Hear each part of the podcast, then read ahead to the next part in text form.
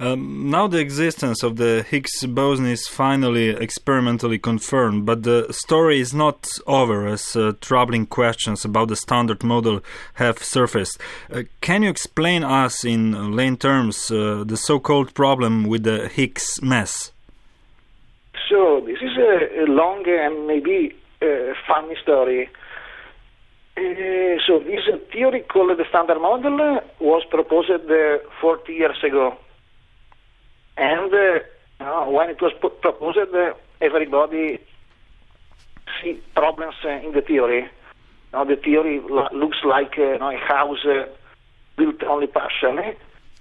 And the biggest problem is related to the Higgs mass. Now there seems to be some correction that makes the Higgs mass very, very, very big. Uh, actually, this correction uh, is infinite. This would make the Higgs mass infinite, uh, which also means that if you compute infinite, infinity, you don't know what, what you are computing. so there seems to be a problem, but nobody really understands it. for 30 years, physicists uh, try to solve this problem and invented the beautiful solutions uh, like uh, supersymmetry, extra dimensions, technicolor, and others. so maybe you have seen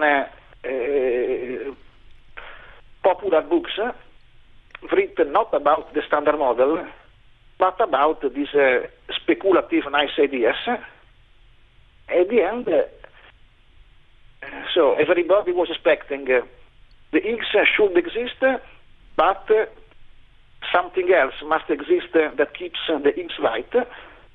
At the end, the experiment has been made, and so far, what has been discovered is the Higgs, only the Higgs, nothing else.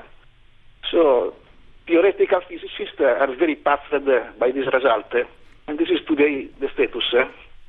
Mm-hmm. Uh, is this a small problem or a big problem that can shake our current uh, physical uh, theories? All, uh, before being shaken, people uh, will wait a few years. now, the, now the experiment will restart at bigger energy, and so maybe it could discover what the theorists expected.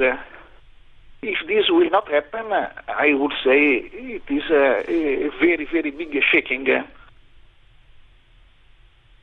Mm-hmm. Uh, professor? Sorry? Aha, aha, okay. Uh, sorry, I don't hear. Uh, yes, uh, can you hear me now? Yes, sir. Okay. Uh, uh, is there any possibility uh, that we are missing uh, some deep principles and that our current uh, theories are uh, inadequate or simply wrong? So, the answer is that nobody knows. Now, people are trying other ideas. Now, for example, uh, if you just ignore uh, the big infinite correction uh, and you compute you know, some small correction that you can really compute. Uh,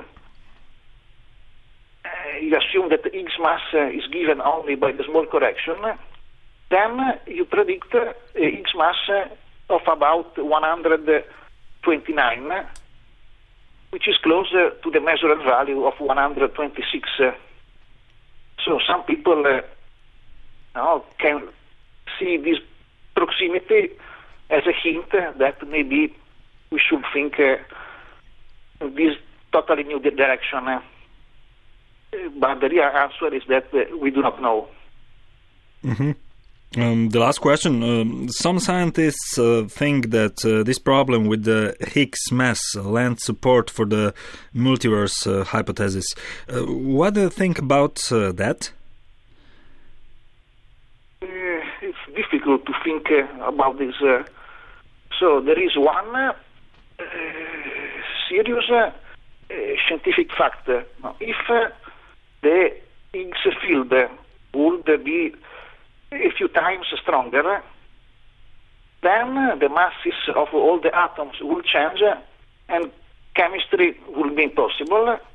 So this is the starting point uh, of this anthropic reasoning. If the Higgs is just a few times uh, more intense, we cannot exist. Then uh, no, some people believe that uh, the Higgs is light because otherwise we would not exist. Maybe this is true, but nobody knows what to do with this observation. Mm-hmm. Uh, it's an open possibility. All physicists uh, dislike it, but uh, could be the key correct observation, uh, even if we don't like it.